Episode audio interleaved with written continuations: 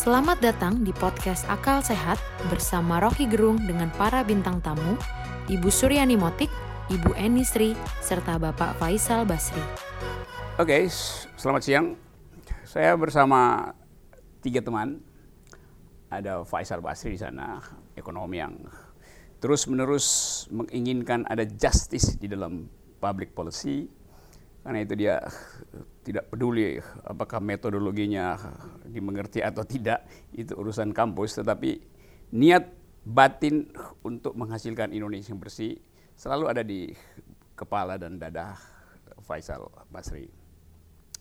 Sebelah saya persis ada analis Mbak Eni yang juga syarat dengan data dalam upaya untuk memperlihatkan ketidakadilan yang disebabkan oleh kesalahan kebijakan diusut di mana dimulai kesalahan itu, diperlihatkan datanya dan setiap hari sampai hampir frustrasi beliau berupaya untuk meyakinkan publik tentang hal-hal yang buruk di dalam statistik pemerintah itu. Dan yang pakai baju merah, Mbak Suryani juga Anda kenal setiap hari di seluruh stasiun televisi dan kalau ngomong sering kali dia nggak mau edit omongannya sendiri karena itulah wataknya tuh pengusaha, tetapi yang berupaya untuk melihat fungsi pengusaha di dalam upaya menghasilkan keadilan bersama tuh. Jadi itu uniknya tuh. Nah hari ini kita mau bicara, mau ngobrol di sini di dalam upaya untuk mencari pikiran alternatif sambil mengevaluasi kebijakan pemerintah Jokowi selama ini.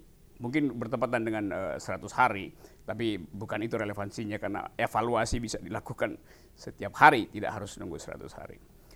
Nah saya kasih semacam pengantar sebelum kita uh, berdiskusi bahwa negara ini didirikan dengan dalil keadilan sosial yang sangat kuat itu. Dan itu yang sebetulnya jadi semacam pengikat ideologi di antara negara dan rakyat tuh. Karena itu setiap kali kita memprotes atau mengevaluasi kehidupan bernegara, kita dasarkan pada dalil keadilan itu. Negara negara itu bentukan artifisial. Negara itu yang yang yang natural adalah kehidupan bersama tuh. Negara itu artifisial, dibuat, tidak alamiah. Tapi justru yang dibuat itu dimaksudkan untuk mempercepat distribusi keadilan. Nah sebetulnya tanpa negara juga kita bisa hidup. Kalau negara bilang eh, ekonomi tumbuh 4% itu bukan karena fungsi negara tapi karena fungsi primer kita sebagai konsumer, sebagai produser yang diasuh oleh alam kita bisa menghasilkan sama-sama 4% tuh. Jadi negara dihadirkan, kita sama-sama hadirkan negara untuk memperbanyak kemakmuran dan mempercepat distribusi keadilan. Jadi itu filosofi kita bernegara sebelum kita masuk pada soal teknikalitas. Nah soal itu yang ingin kita tagih sebetulnya dari pemerintah mengapa distribusi keadilan tidak terjadi, jumlah kemakmuran berkurang gitu. Padahal kita tahu konstitusi mewajibkan presiden hanya dua hal. Satu adalah cerdaskan kehidupan bangsa, dua pelihara orang miskin itu. Yang terjadi hari ini adalah memang uh, anak didik kita makin cerdas dalam menghafal nama-nama ikan, tetapi indeks kecerdasan di bidang ilmu dasar itu jauh turun di dalam uh, statistik Asia. Demikian juga soal fakir miskin tuh. Fakir miskin itu dipelihara sehingga dia bertambah itu. Jadi bukan di bukan dirawat tapi uh, dibikin lebih banyak gitu. Ini semua berhubungan dengan kebijakan negara, dengan kegagalan kebijakan negara. Tetapi kalau kita dengar apologi pemerintah selalu dianggap ini kan soal global, ada faktor global yang masuk ke Indonesia. Nah pertanyaannya apakah kita bukan partisipan dalam proyek global itu? Kenapa kita salahkan globalisasi itu atau global uh, politics atau global economics itu? Lain kalau kita autarki sehingga kita diintervensi oleh yang global maka kita salahkan yang global. Memang ada faktor global, tapi kita ada di dalam soal itu. Nah, nanti kalau misalnya uh, kayak kemarin sedikit membaik rupiah karena uh, intervensi Fed, lalu dianggap wah ada harapan lagi. Loh itu juga soal global kan. Jadi apa sebetulnya fungsi negara supaya kita tahu ada harapan ke depan, baik pada uh, era pemerintahan berikutnya, tapi yang lebih penting adalah kita mau membaca rasa keadilan itu dari subjektivisme kita sebagai warga yang menginginkan Indonesia tumbuh adil, makmur, dan merata tuh. Nah, kita nggak mau ucapkan suara mak-mak karena suara mak-mak tiap hari udah ada di koran. tapi suara lain dari publik yang concern terhadap kehidupan bersama sebagai uh, sesama warga negara. Jadi saya kira itu pengantarnya. Mungkin silakan siapa yang mau mulai pertama. Nggak ada uh, aturan di sini. Semakin nggak ada aturan, semakin jujur kita bicara. Jadi mungkin uh, Faisal lebih dulu. Iya, saya baru oke. Okay. Oke, okay, uh, baru baca buku uh, Darren Acemoglu dan James Robinson namanya The Nero uh, The Nero Corridor. Bagus sekali untuk menjelaskan ekonomi Indonesia sekarang nih. Uh, di situ dikatakan bahwa selalu ada tarik menarik antara kekuatan negara dengan kekuatan civil society, Keku, uh, uh, the power of society dan power of state. Nah, saya ingin memodifikasi power of state-nya ditambah power of corporation sekarang. Nah, jadi terjadilah uh, shifting itu yang cukup dalam pendelemnya ke arah power of state plus power of power of corporation at the cost of uh, power of society tercermin di dalam uh, rancangan omnibus itu kelihatan oh. sekali jadi, Jadi apa pun itu. dilakukan untuk uh, memberikan investasi yang sebesar-besarnya, membuka investasi sebesar-besarnya, apa pun dikasih, pajak dikasih, diturunkan, ada super tax deductible, ada tax holiday 20 tahun, nanti pemilik lahan batu bara tidak dibatasi lagi lahannya, kemudian perpanjangan otomatis, macam-macam gitu. Sementara yang dari buruh akan diambil di utak atik pesangon. Betul banyak masalah di buruh ini, tapi rohnya itu. Jadi diambil dari buruh, diambil dari pemerintah daerah karena pemerintah daerah ini pengacau dianggapnya. Oleh karena itu kewenangan daerah harus dialihkan ke pusat dan soal lingkungan juga mengganggu hmm. sehingga dipermudahlah dimensi lingkungan yang selama ini dipandang mengganggu. Jadi yang uh, diutamakan korporasi, yang diambil, dicerabut adalah uh, buruh, uh, lingkungan Pemda. dan Pemda. Nah kemudian uh, uh, disadari ini harus dilakukan segera macam-macam, diamankanlah uh, parlemen. Oleh karena itu hampir semua partai masuk ke pemerintahan. 74 persen parlemen, kursi parlemen secara matematis dikuasai oleh uh, uh, pemerintah begitu. Kemudian apalagi oh uh, Pak Prabowo juga diajak ya sehingga, oh, pokoknya sedemikian rupa sehingga diharapkan tidak ada tidak ada tidak ada hambatan begitu. Nah, tapi mereka lupa bahwa ini bukan rezim otoritarian lagi, keterbukaan sudah uh, sedemikian tidak bisa dibendung lagi menurut saya uh, ini akan melawan semua. Buruh akan melawan, daerah akan melawan, muncul uh, fenomena separatisme baru uh, uh, yang oleh karena itu menurut saya harus di, di, dihentikanlah. Nah satu lagi yang ingin saya sampaikan, justru tugas azali negara melindungi rakyatnya tidak dilaksanakan.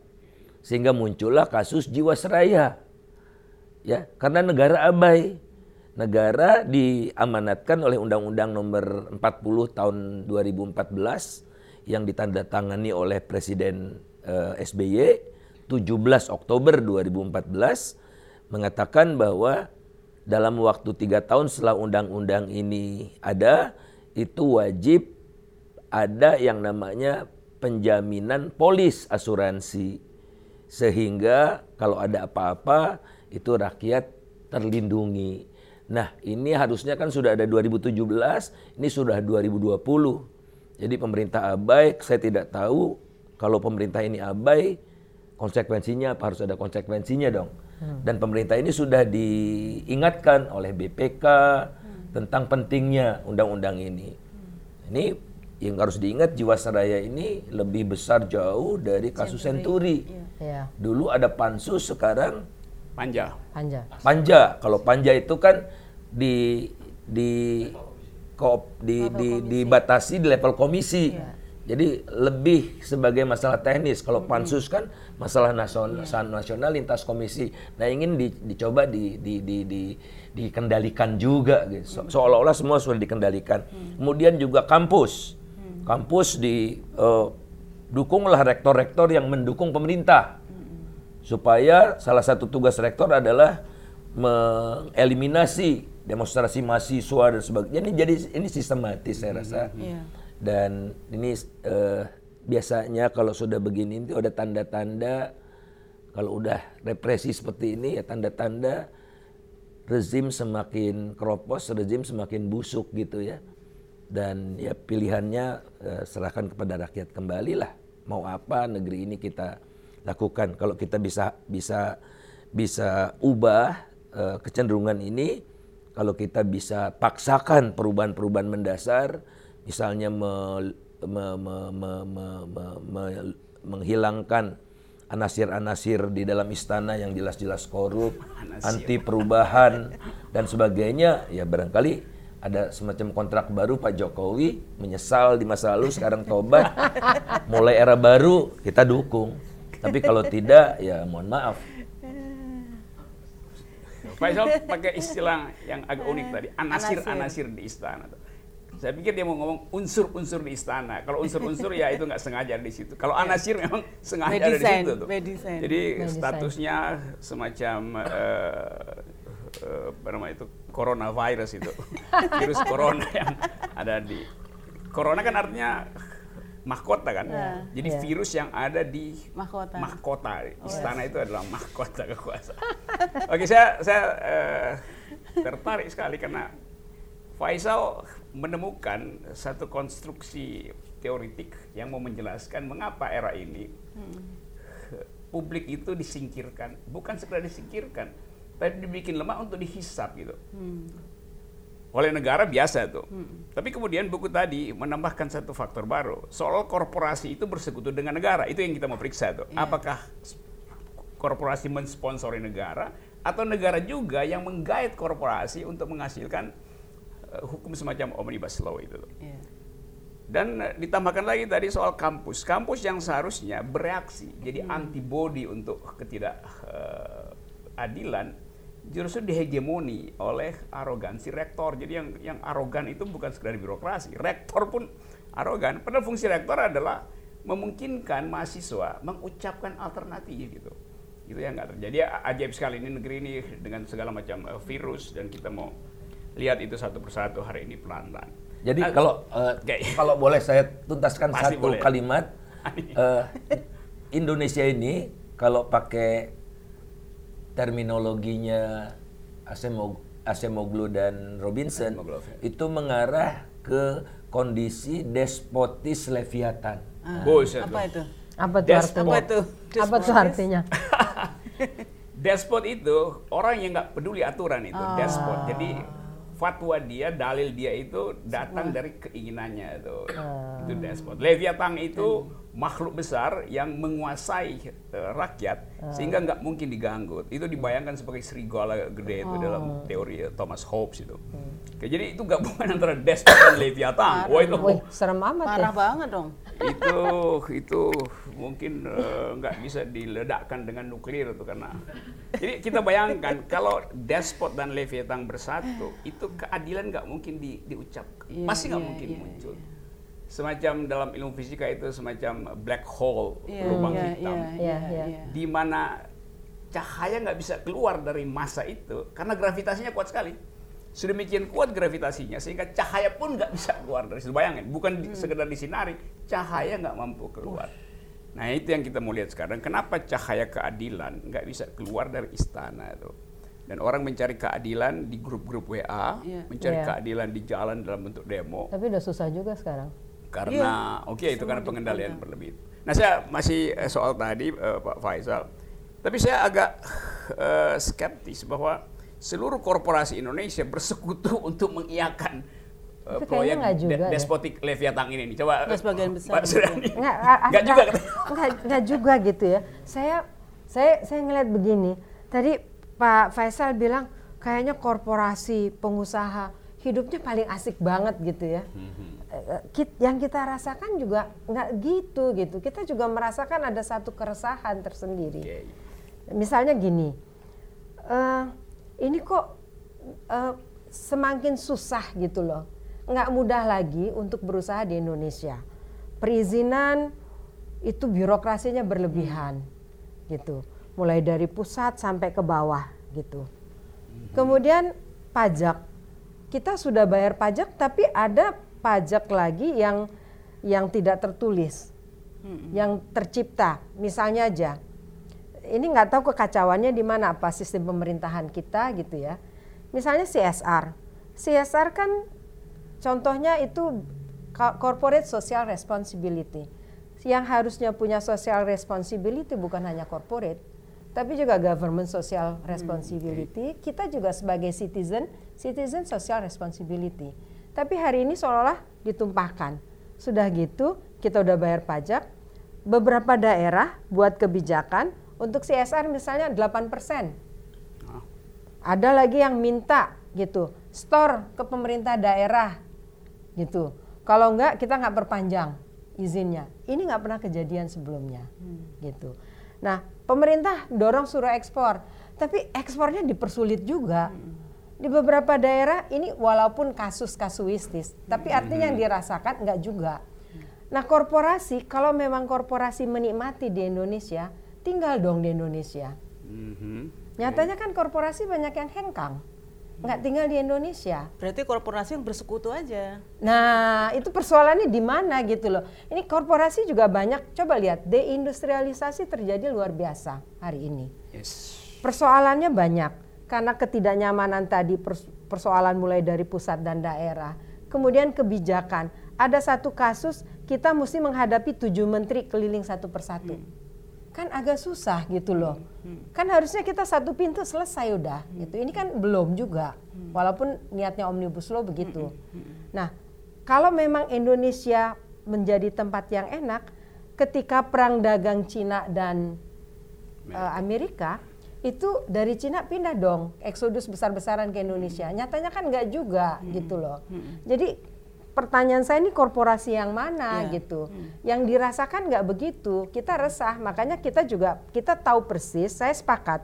Memang ekonomi ini saya balik lagi kalau bicara ekonomi pasal 33 itu masih relevan. Oke. Oh, ini- Pasal 33 Undang-Undang Dasar 45 itu pelakunya ada tiga kan.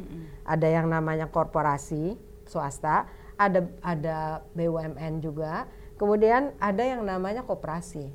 Nah hari ini kan swasta BUMN tapi koperasinya nggak kedengeran.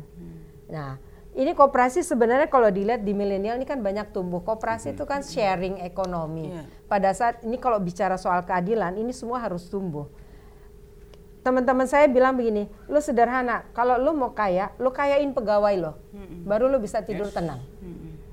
Lu mau kaya, mau hidup enak, tenang, kayain partner lo. Ini kan nggak kejadian juga gitu loh. Nah, kenapa gitu? Ini juga kita mau tumbuh besar, yang punya duit mau reinvest juga agak mikir. Nah, itu pertanyaannya. Kenapa omnibus law di satu sisi, undang-undang ketenaga kerjaan. Undang-undang ketenaga kerjaan kalau uh, Bang Faisal tadi bilang ini mau disedot di apa di dari tenaga kerja, kita ngerasa selama ini juga kita banyak nggak bisa bergerak. Orang dia yang salah, dia nyuri, kita nggak bisa mecat. Dilemanya di situ. Kita susah banget gitu loh. Ini nggak pernah kejadian harga diri orang loh. Yes. Gitu loh. Ini persoalan harga diri, persoalan pride, persoalan integritas. Masa ada di negara satu negara orang mencuri itu gitu harusnya kan kalau negara itu bagus dia mengundurkan diri, dia malu. Ini budaya malu nggak dikembangkan han- sehingga harus dipecat dan orang bangga dipecat. Dan itu nggak benar. Undang-undang kita itu membuat orang bangga dipecat kenapa? Karena dia Pesangon. dapat pesangon. Masa karena untuk ha- hanya duit terus dia nggak dipermalukan di- dipecat itu nggak apa-apa. Nah itu juga menurut saya ini persoalan yang mendasar yang perlu dibenahi juga dari dari undang-undang perburuhan. S- Jadi memang undang-undang perburuhan sekarang ini pengusaha nggak suka, Iya. terus pa- apa buruhnya juga nggak suka. Jadi setan nggak suka, malaikat juga nggak suka, dibenci gitu. Ini di mana posisinya? Itu jadi menurut saya memang saya sepakat ada beberapa. terkait omnibus law. Niatnya baik, cuma memang prosesnya mungkin. Niatnya baik, tapi kan orang nggak bisa tahu kalau nggak pernah diajak ngomong, Iya. nggak pernah dimintain pendapat, masukannya kayak apa gitu loh. Nah memang ini yang menurut saya sih harusnya pemerintah nih sadarlah gitu. Karena paket kebijakan 16 paket kebijakan yang pernah dibuat nggak jalan jangan sampai nanti omnibus law juga nggak jalan lagi. Sia-sia aja. Kalau niatnya mau memperbaiki ekonomi nanti kalau para pengusahanya ini nggak jalan juga kan sayang juga gitu. Kalau saya ngeliat mungkin di proses itu gitu banyak kalau niatnya emang baik ini kalau tadi Mas Faisal ngeliatnya serem banget sih gitu loh Dan sebenarnya kalau memang masih bisa baik mungkin masih ada peluang gitu karena ini mumpung-mumpung di awal gitu jadi saya sih masih kasih peluang lah untuk melihat perbaikan ke depan masih punya prasangka baik lah gitu. Kalau pengusaha, soalnya you are what you think. Kalau mikir jelek, waduh ntar bisnis tambah hancur gitu loh.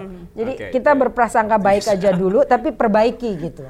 Ada optimisme pengusaha yang harus dipaksakan ada itu walaupun dalam keadaan yang Iya. memburuk. Tapi eh, sebelum ke Mbak Eni, saya, saya mau coba ulas tadi soal fakta bahwa CSR itu akhirnya dipaksakan untuk diberikan pada Pemda misalnya. Jadi soal-soal beginian yang jadi negara itu nggak ngerti apa itu CSR. Mestinya negara tegur kan aparatnya di bawah. Karena dulu konsep eh, corporate social responsibility justru dimaksudkan untuk memberi keleluasaan etis bagi korporasi Betul. untuk tumbuh secara sosial. Betul. Di luar negeri di mana-mana begitu tuh. Global Compact, PBB Betul, betul. alirkan pikiran itu supaya eh, korporasi paham tentang eh, teori baru tentang justice, tentang environmental ethics tuh. Bahkan kita lihat eh, pemenang Nobel dalam 10 tahun terakhir ini semuanya basisnya adalah bidang sosial tuh yang ingin justice. Jadi negara justru mendorong korporasi untuk berbuat tidak etis gitu. Kan itu problemnya kan. Tapi kita nggak nggak lihat ada teguran itu atau paling nggak ada public address dari menteri atau presiden mengatakan bahwa nggak begitu cara mengelola eh, government di daerah itu dengan memeras korporasi itu. Itu satu soal. Dan banyak hal yang tidak ada kejelasan konsepsional. CSR tadi itu soal yang sudah dikeluhkan berkali-kali. Salah, salah konsep. Bahkan ada eh, perusahaan di provinsi A, CSR-nya dikasih ke Jakarta, itu kan gila kan? Di mana community-nya kalau begitu Iya, tuh kayak itu soal. Nah soal lain misalnya tadi soal AMDAL gitu. Jadi dianggap eh, AMDAL itu bagian dari proyek pemerintah. Padahal di dalam di dalam eh, teori ekonomi, teori social justice dari tahun 76 ketika pertama kali konferensi Stockholm tentang perlindungan lingkungan, lalu pergi ke Rio, lalu ke Paris Conference segala macam. AMDAL itu filosofinya dimaksudkan untuk menghalangi semaksimal mungkin investasi itu. Jadi kalau dia lolos AMDAL itu artinya memang investasinya Bersih, just bagus. gitu, bersih. Sekarang presiden bilang jangan Pedulikan. jadikan AMDAL penghalang investasi. Masa nggak ada eh, akademisi di sekitar istana tadi disebut Iya, iya, oleh iya. Faisal sebagai anasir-anasir sebelum mereka jadi anasir memberitahu pada presiden bahwa jalan pikirannya keliru. Itu yang menyebabkan presiden bilang saya putuskan pindah ibu kota, silahkan universitas lakukan amdalnya. Loh ini pelajaran pertama metodologi amdal dulu baru putusan politik. Kan kacau kan. Nah itu yang buat saya merasa aneh bahwa di istana itu berkumpullah akademisi-akademisi itu, termasuk dari FUI itu yang pinter-pinter segala macam itu. Itu kan kumpulan orang yang punya kecerdasan lebih sehingga masuk ke istana di KSP di istana. Nah secara teoritis kalau akademisi masuk kekuasaan, kekuasaannya jadi pinter mestinya kan. Iya. Ini terbalik. Akademisi yang jadi dungu gitu kan. Kan ajaib negeri ini. Jadi kita mau lihat itu dalam berbagai soal. Nah konsep-konsep semacam ini yang mau kita benahi. Ada konsep misalnya tiba-tiba eh, pemerintah bilang kita kelebihan listrik di Jawa tuh silahkan eh, tambah eh, daya rumah tangga. Padahal kita tahu nggak ada power plant dibikin, kok ada kelebihan listrik. Padahal karena deindustrialisasi kan. Iya. Iya. Jadi pemakai listrik utama pergi, ya pasti kelebihan listrik. Jadi jangan klaim kelebihan listrik, justru karena deindustrialisasi. Juga soal eh, nggak ada eh, kesenjangan pendapatan, jadi rasio kita baik-baik aja. Loh yang diukur expenditure. Seba- Sebaliknya, saya sering katakan kalau kita berempat di sini ada ada surveyor datang, saya bilang saya konsumsinya 10 ru- 10 ribu rupiah per hari. karena cuma makan buah tuh. Lalu ada mahasiswa di kita konsumsi anda berapa? 10 ribu. Kenapa? Ya saya udah makan 5 ribu pagi-pagi. Siang sama malam saya beri promak aja buat karena nggak cukup lagi. Jadi dompetnya cuma tinggal 5 ribu dan promak itu. Pengeluaran juga 10 ribu per hari. Ada pengusaha yang baru eh, akuisisi lahan sawit 500 ribu hektar misalnya, ketemu di bandara. Petugasnya tanya, Anda pengeluaran berapa? Saya juga sepuluh ribu rupiah. Karena, Karena saya diet. itu bahkan vitamin, diet itu, karena banyak penyakit. Jadi waktu BPS bilang, tidak ada kesenjangan antara saya, mahasiswa, dan si. Ya memang, pengeluaran kita sama sepuluh ribu. Iya. Tapi dompet saya pasti lebih tebal sedikit dari si mahasiswa. Dan dompet satu Indonesia, nggak ada apa-apanya dengan dompet si akuisitor tadi kan. Iya. Jadi soal-soal begituan, penipuan begituan yang mem- membuat kita nggak tahu apa yang terjadi sebetulnya. Nah, ini melakukan riset macam-macam itu dengan data yang berlimpah, tapi kadang-kala nggak ada orang yang percaya tuh. Padahal Aduh. makin lama makin terlihat bahwa penipuan statistik itu justru membuat kita nggak tahu sinyal apa sebetulnya yang sedang terjadi dalam ekonomi Iya, kita. iya. Ini silakan nih. Jadi kalau negara atau pemerintah lah bukan negara, pemerintah gagal memenuhi harapan masyarakat itu dari sejak eh, Orde Baru sampai Pak SBY kema eh, Bu Mega, Pak SBY eh, dan SBY jilid kedua sebenarnya sama. Tetapi yang berbeda benar yang benar-benar dirasakan hari ini adalah orang satu pun nggak boleh berbeda Oh itu. nggak boleh berbeda. Jadi semuanya. Jadi tadi kenapa ada anasir-anasir itu? Karena begitu berbeda, Anda kanan, saya kiri, atau saya kiri, Anda kanan. Oke. Anda, Anda, Anda, ben- saya benar, Anda salah. Anda lawan saya. Jadi nggak ada satupun yang berani betul-betul mengingatkan kecuali orang-orang gila kayak kita mungkin gitu.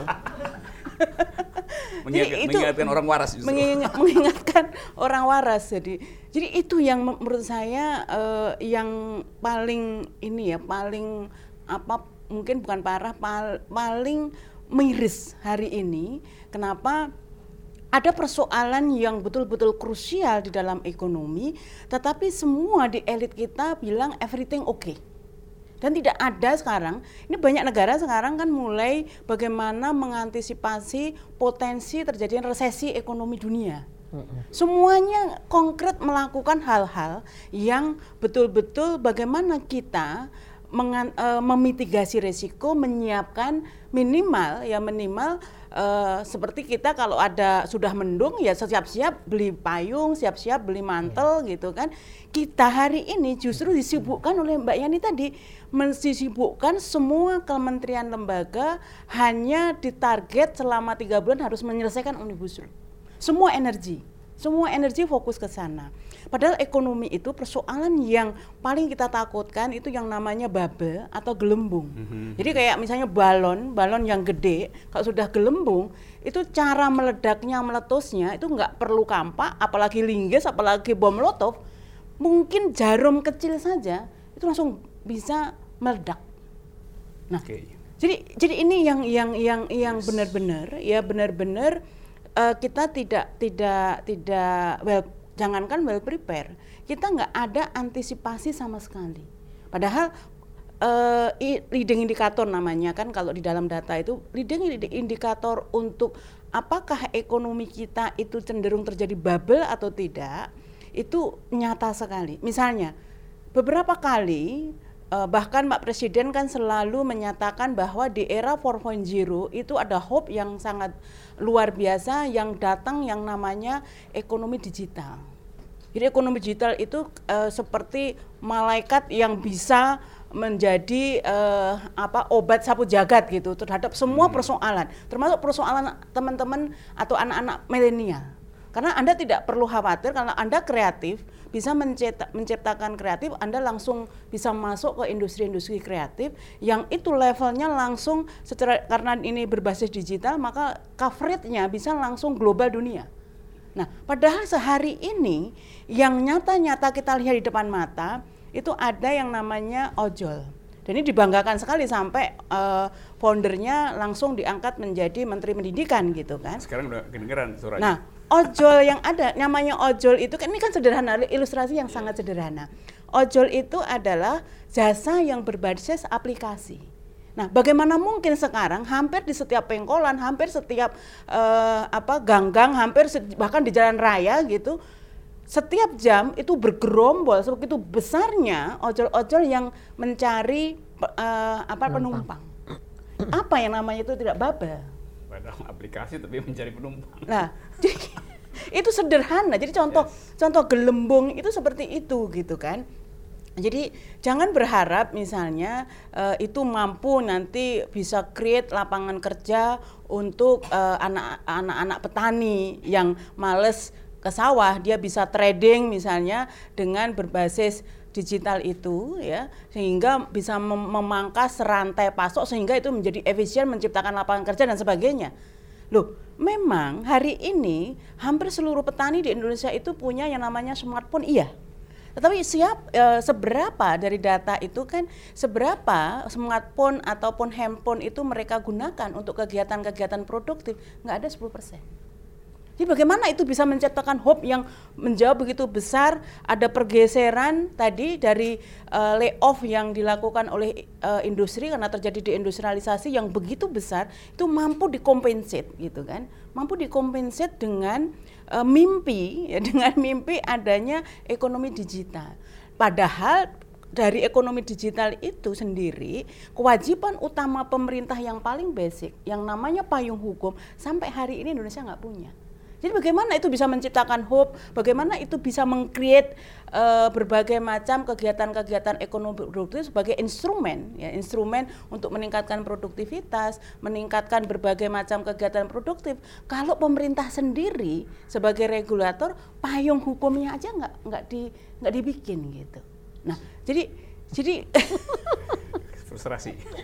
Bukan frustasi. Jadi ini kan uh, kalau memang nggak mau diingatkan gitu kan dan saya agak pesimis kalau orang bertaubat itu biasanya itu kalau kekeliruannya itu tidak sengaja. Hmm. Nah, sementara kalau tadi analoginya Bang Faisal ada anasir-anasir dan hmm. semua orang dianggap harus punya satu suara dan sebagainya, itu semuanya kan by design. Ya. Dan merasa bahwa uh, power yang sangat kuat itu akan menyelesaikan semuanya. Betul mungkin secara politik. Ekonomi, ekonomi itu kan yang day to day secara real, secara nyata di, dilakukan dan dialami, dirasakan bahkan oleh masyarakat.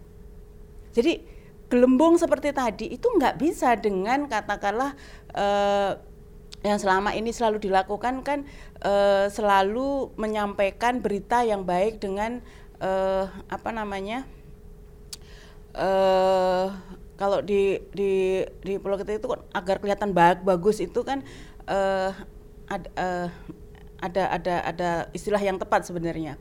Nggak nggak nggak nggak nggak ingat nah tetapi di di ekonomi nggak bisa.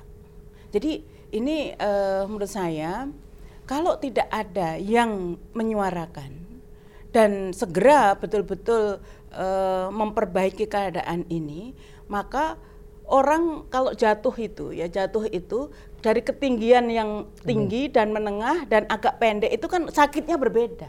Artinya dampak domino dari katakanlah kita nanti terjebak pada persoalan kalau nggak ada antisipasi dan uh, mitigasi yang memadai dan jauh-jauh jauh-jauh kita sadari jatuhnya akan lebih sakit daripada krisis 97 98. Terima kasih sudah mendengarkan podcast Akal Sehat bersama Rocky Gerung and Friends. Silahkan simak part 2 episode Upaya Menuju Indonesia Bersih.